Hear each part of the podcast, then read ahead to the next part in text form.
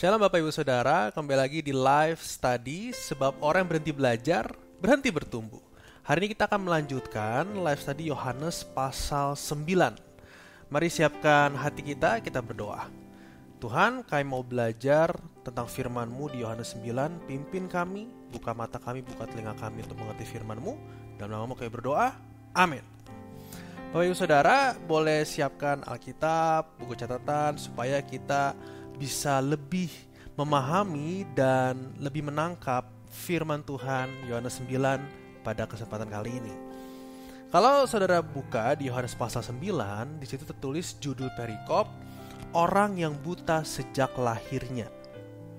Mari kita baca mulai dari ayat yang pertama. Waktu Yesus sedang lewat, ia melihat seorang yang buta sejak lahirnya. Murid-muridnya bertanya kepadanya, "Rabi, siapakah yang berbuat dosa? Orang ini sendiri atau orang tuanya? Sehingga ia dilahirkan buta." Jawab Yesus, "Bukan dia dan bukan juga orang tuanya, tetapi karena pekerjaan-pekerjaan Allah harus dinyatakan di dalam dia." Nah, jadi saudara, masyarakat pada zaman itu memang memiliki sebuah pengertian bahwa penderitaan itu pasti datangnya dari hukuman Allah. Jadi kalau seseorang mengalami penderitaan sejak kecil, mereka merasa wah ini pasti ada ngelakuin dosa nih.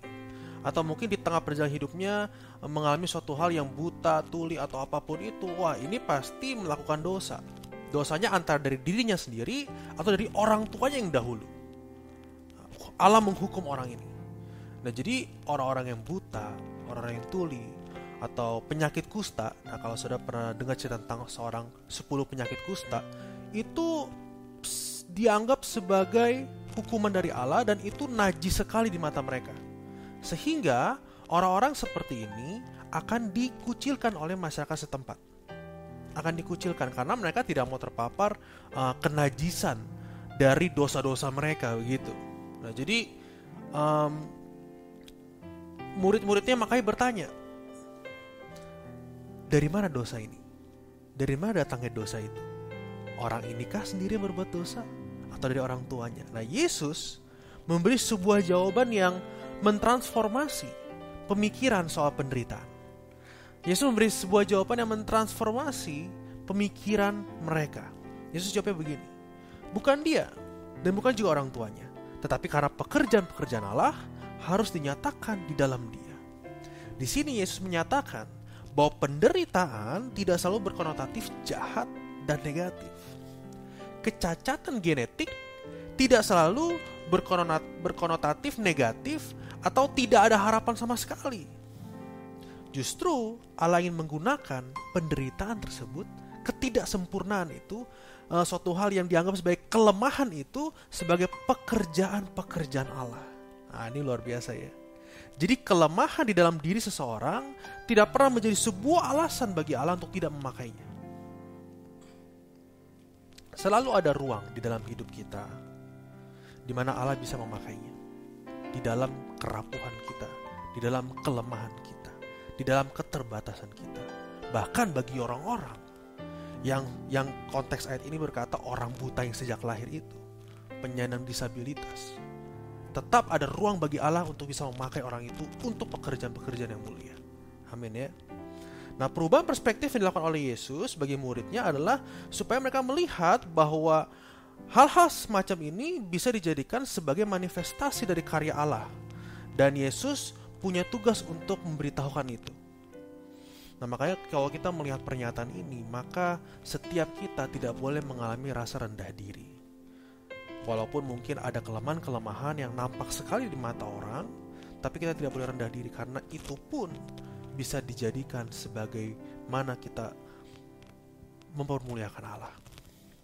Lanjut ya, Yohanes 9 ayat 4 sampai 5 berbunyi demikian.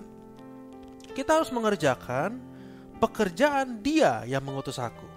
Selama masih siang, akan datang malam, di mana tidak ada seorang pun yang dapat bekerja. Selama aku di dalam dunia, akulah terang dunia. Nah, ayat keempat memperjelaskan bahwa kita punya tugas yang sama kalau kita seperti Yesus, Yesus punya tugas, dia mengutus, Bapa mengutus Yesus untuk mengerjakan, merangkul orang-orang yang demikian. Karena di dalamnya Allah mau pakai secara luar biasa. Nah, dalam hidup kita hari ini, kita pun juga punya tugas yang sama untuk memperhatikan orang-orang yang demikian. Memperhatikan sesama kita yang demikian. Memperhatikan keluarga kita yang demikian. Dan ayat 4 memperjelas hal itu. Nah, kalau kita lihat kalimatnya selama masih siang akan datang malam, di mana tidak ada seorang pun dapat bekerja. Kalimat ini berbicara mengenai sebuah kesempatan. Jadi selagi kita memiliki sebuah kesempatan untuk melayani uh, penyandang disabilitas, kaum marginal, orang yang terpinggirkan, maka layanilah mereka seperti Yesus melayani mereka. Selama aku di dalam dunia, akulah terang dunia, kata Yesus. Yesus memberi sebuah teladan bahwa akulah terang dunia dan satu sisi juga inilah cara Yesus mengidentifikasikan dirinya kepada orang-orang bahwa aku loh terang dunia itu, akulah Tuhan itu. Nah, pernyataan saya barusan nanti kita akan mengerti waktu kita mulai ekspor ke bawah-bawah ke ayat-ayat yang selanjutnya. Nanti kita akan melihat di situ bahwa Yesus ini di konteks ini sedang ingin menunjukkan juga bahwa dialah Tuhan itu. Dialah yang diutus Bapa itu. Oke. Kita lanjutkan ke ayat 6. Setelah ia mengatakan semuanya itu, ia meludah ke tanah dan mengaduk ludahnya itu dengan tanah. Lalu mengoleskannya pada mata orang buta tadi dan berkata kepadanya, "Pergilah, basuhlah dirimu dalam kolam Siloam." Siloam artinya yang diutus maka pergilah orang itu yang membasuh dirinya lalu kembali dengan matanya sudah melek. Nah, sering kali kita jadi pertanyaan, mengapa Yesus kok meludah ke tanah, terus menggunakan tanah, terus dipakai gitu ya? Kenapa nggak Yesus tiup aja, huh, orang sembuh? Kenapa nggak langsung jamah aja matanya, orang sembuh pakai tangan? Tapi kenapa Yesus harus menggunakan uh, sebuah gerakan tangan itu dia ke tanah diludahin, diaduk di tanah, lalu dioleskan kepada orang buta itu. Apa maksud dari sebuah gerak tubuh Yesus itu? Ada maksudnya. Sebenarnya peristiwa ini sebuah penggambaran tentang kejadian pasal 2 ayat 7. Kejadian pasal 2 7 berbunyi demikian. Ketika itulah Tuhan Allah membentuk manusia itu dari debu tanah dan menghembuskan nafas hidup di dalam hidungnya Demikianlah manusia itu menjadi makhluk yang hidup.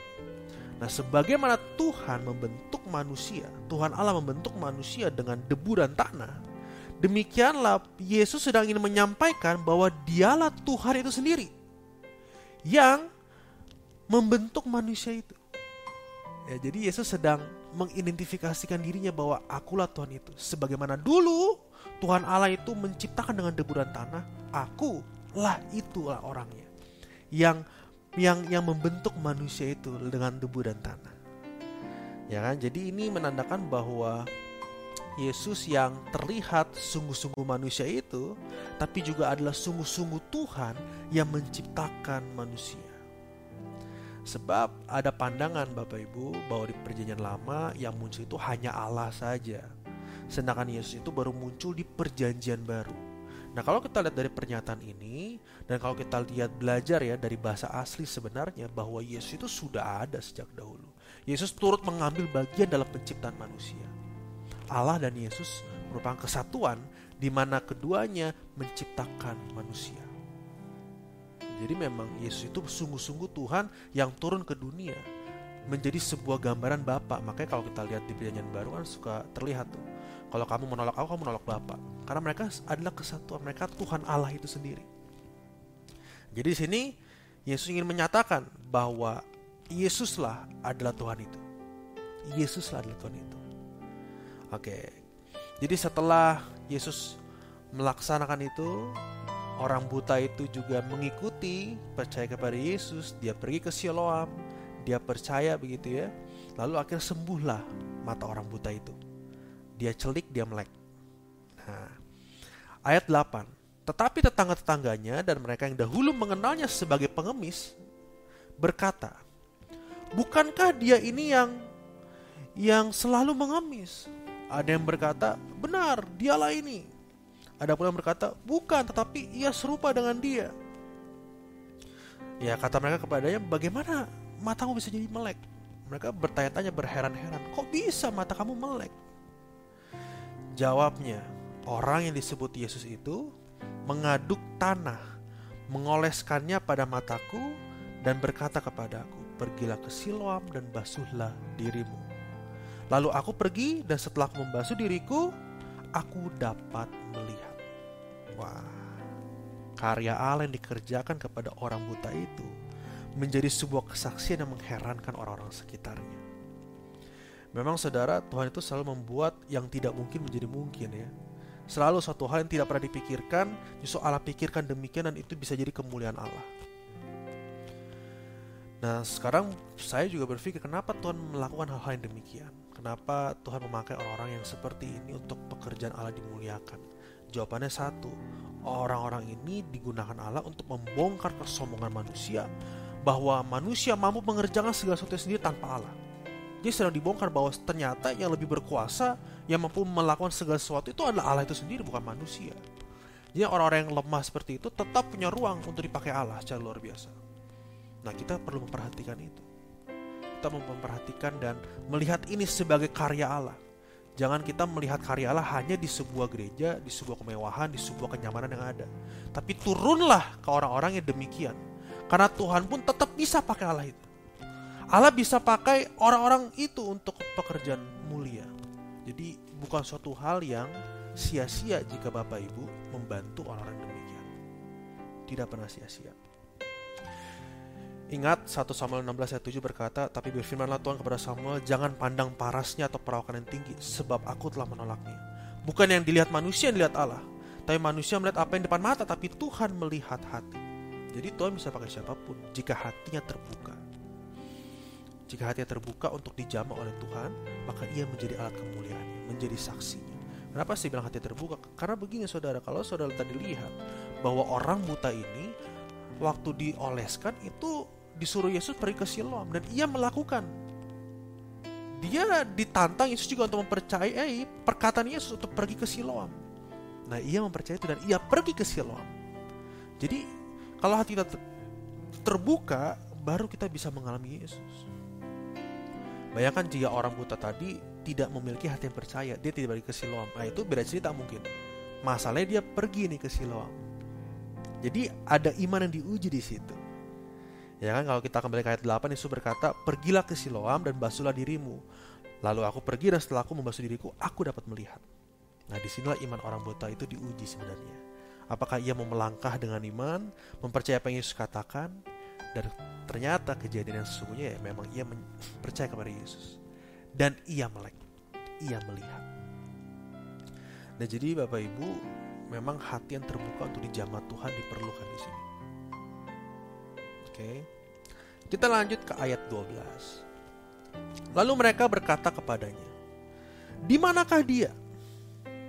Jadi ini bertanya, "Di mana Yesus itu yang menyembuhkan kamu?" Jawabnya, "Aku tidak tahu." Lalu mereka menjawab orang tadi buta itu kepada orang-orang Farisi. Wah, jadi dibawa nih mulai. Ini di masyarakat-masyarakat udah pada orang buta ini seolah-olah kayak aduh ini kok nggak jelas ya jawabannya? Dibawa ke orang Farisi. Wah orang Farisi ini seru nih. Akan banyak diinterogasi.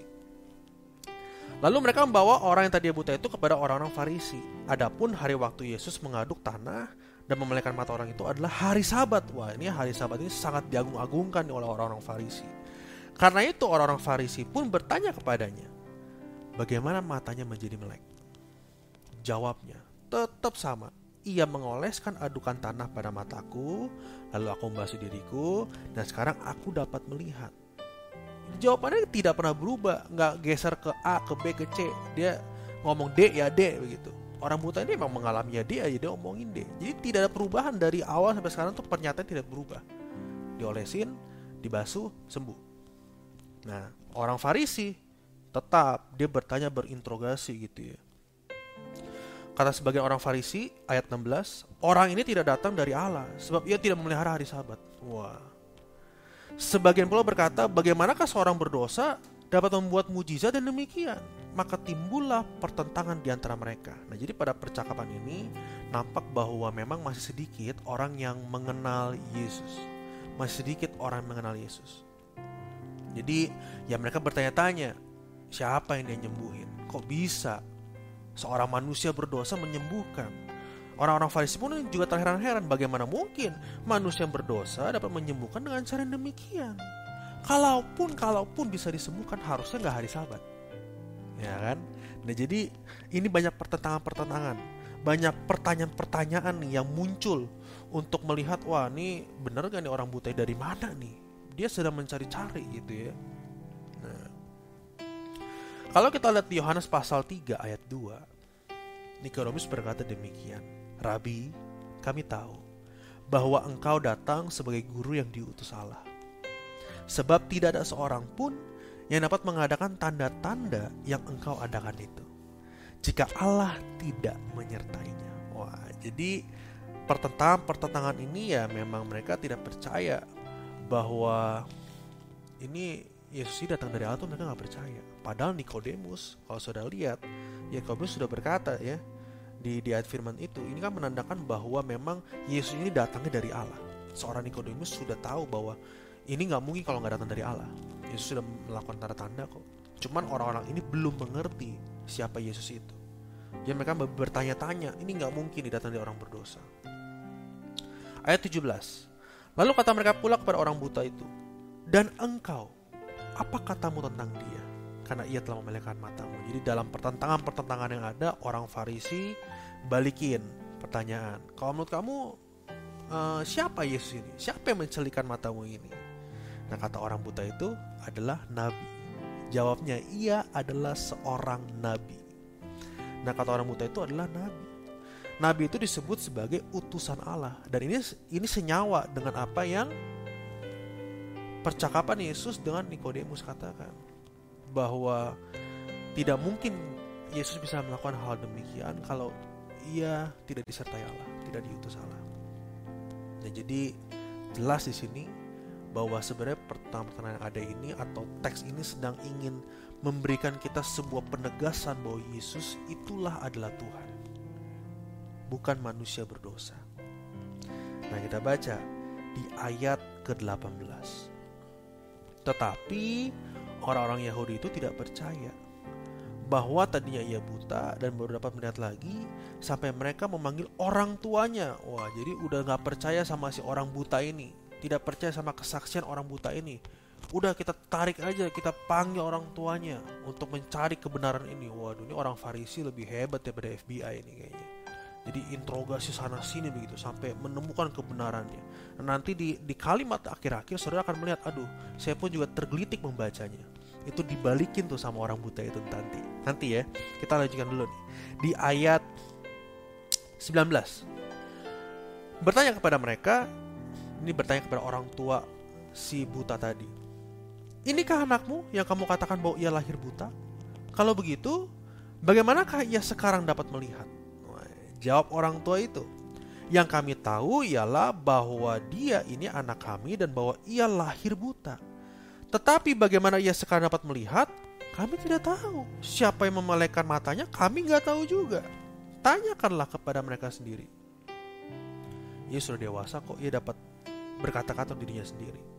Dan juga orang tuanya berkata demikian karena mereka juga takut kalau wah kalau dia ngomong yang benar, dia menyatakan Yesus sebagai Mesias nanti dikecilin nih dikucilkan gitu jadi dia jadi diserahin ke anaknya aja dia udah dewasa kok tanyakanlah sendiri kepadanya nah gitu ya Oke, kita lanjutkan dulu saja sampai ke ayat 29. Lalu mereka memanggil sekali lagi orang yang tadinya buta itu dan berkata kepadanya, Katakanlah kebenaran di hadapan Allah. Waduh, jadi dipanggil lagi orang butanya, dia ngomong, Katakanlah kebenaran di hadapan Allah. Kami tahu bahwa orang itu berdosa. Wah, Orang Farisi sangat yakin, kami tahu itu orang berdosa. Jawabnya, apakah orang itu orang berdosa? Aku nggak tahu. Tapi cuma satu yang aku tahu, aku bisa melihat sekarang. Nah gitu katanya. Nah kata mereka kepadanya, apakah yang perbuatnya padamu? Bagaimana yang memilihkan matamu? Jawabnya, telah kukatakan kepadamu dan kamu tidak mendengarkannya. Mengapa kamu hendak mendengarkannya lagi? Barangkali kamu menjadi muridnya. Waduh, ini dibalas sama orang orang buta. Kamu mau jadi muridnya? Emang ini udah berkali-kali saya bilang begitu ya. Ini saya tergelitik dengan kalimat ini nih. Nah terus sambil mengejek orang Farisi jawab lagi, engkau murid orang itu tapi kami murid-murid Musa. Waduh ini udah udah mulai wah enggak aku lebih hebat gitu ya. Jadi orang Farisi terus bertanya-tanya kepada orang ini, jadi interogasi gitu ya. Mereka mengira bahwa ah orang buta ini bohong nih. Tapi nyatanya demikian. Sembuh orang buta itu. Oke, nah saya lanjutkan kembali ayat 30. Jawab orang itu kepada mereka, aneh juga bahwa kamu tidak tahu dari mana ia datang, sedangkan ia telah memelekkan mataku. Jadi orang buta bilang, aneh kalau kamu nggak tahu dia datang dari mana. Udah jelas tandanya aku sembuh nih, dengan mata kepala sendiri. Gak mungkin orang manusia berdosa itu menyembuhkan. Harusnya kamu sadar dong orang Farisi ini Tuhan itu sendiri. Allah yang menyertai. Harusnya kan begitu. Nah, jadi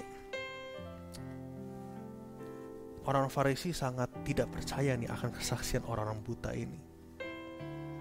Dan dikatakan oleh orang yang sudah melihat ini, dia berkata begini, kita tahu bahwa Allah tidak mendengarkan orang-orang berdosa, melainkan orang-orang yang saleh dan yang melakukan kehendaknya ayat 32 dari dahulu sampai sekarang tidak pernah ku dengar bahwa ada orang yang memelekkan mata orang yang lahir buta.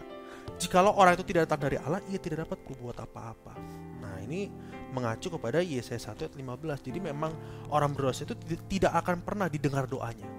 Jadi Yesaya 1 ayat 15 berkata demikian, apabila kamu menadahkan tanganmu untuk berdoa, aku akan memalingkan mukaku. Bahkan sekalipun kamu berkali-kali berdoa, aku tidak akan mendengarkannya. Sebab tanganmu penuh dengan darah. Jadi memang jelas Allah tidak mendengar orang berdosa yang berdoa. Makanya orang benar besar kuasanya. Bukan doanya benar tapi orang yang benar ya gitu kan. Dan ini juga nyata. Nah, jadi sudah jelas tapi orang Farisi tetap tidak percaya. Orang buta ini bisa melihat itu menyatakan bahwa Yesus ini bukan orang berdosa, ini orang benar dan doanya didengar. Nah, jadi gitu yang mau disampaikan.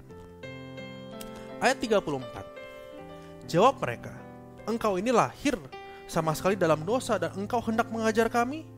Lalu mereka mengusir dia keluar. Nah ini dia. Udah diinterogasi, dijawab sama orang butanya, dijelasin, bahkan dia ngacu ayat iya kami tahu kok kalau ternyata tuh Allah tuh tidak akan menjawab doa orang berdosa. Eh orang Farisi merasa digurui. Allah udah lalu ngapain? Udah cabut cabut cabut. Disuruh pergi malah orang butanya gitu ya. Ya memang sangat unik sekali ya kalau orang-orang yang sombong itu ketika tidak bisa berkutat, tidak bisa menjawab balik ya dia akan ya begitu. Akan tidak menerima masukan gitu ya. Kita baca lanjut ayat 35. Yesus mendengar bahwa ia telah diusir keluar oleh mereka. Kemudian ia bertemu dengan dia dan berkata, Percayakah engkau kepada anak manusia? Jawabnya, Siapakah dia Tuhan? Supaya aku percaya kepadanya. Kata Yesus kepada orang buta ini yang sudah melihat itu. Engkau bukan saja melihat dia, tetapi dia yang sedang berkata-kata dengan kau, dialah itu. Aku percaya Tuhan. Lalu sujud menyembahnya. Kata Yesus. Ayat 39. Aku datang ke dalam dunia untuk menghakimi. Supaya barang siapa yang tidak melihat, dapat melihat. Dan supaya barang siapa dapat melihat, menjadi buta. Kata-kata itu didengar oleh beberapa orang Farisi. Dan mereka berkata, apakah itu artinya bahwa aku juga buta? Jawab Yesus kepada mereka, sekiranya kamu buta, kamu tidak berdosa. Tapi karena kamu berkata, kami melihat, maka tetaplah dosamu. Nah, buta di sini bukan maksud harafiah, mata jasmania bukan, buta bukan. Tetapi menggambarkan sebuah spiritualitas yang buta. Barang siapa tidak melihat dalam bahasa si blepo artinya memahami. Barang siapa yang tidak melihat artinya tidak memahami, tidak mengerti. Justru Tuhan akan membuatnya orang itu mengerti. Tapi barang siapa yang sudah merasa dirinya paling mengerti dan memahami, nah itu hati-hati karena itu akan membuat dirinya buta. Terlebih kalau sudah diwarnai dengan nilai-nilai tradisi saja, peraturan-peraturan agamawi saja, tetap tidak mengerti.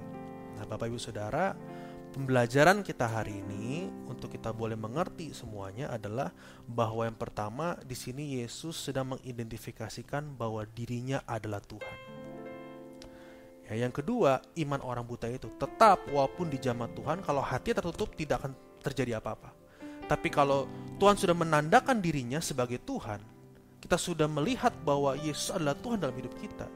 Kalau hati kita tertutup, kita tidak berubah apa-apa. Tapi kalau hati kita terbuka dan mempercayai apa yang Yesus katakan, maka terjadi perubahan di situ.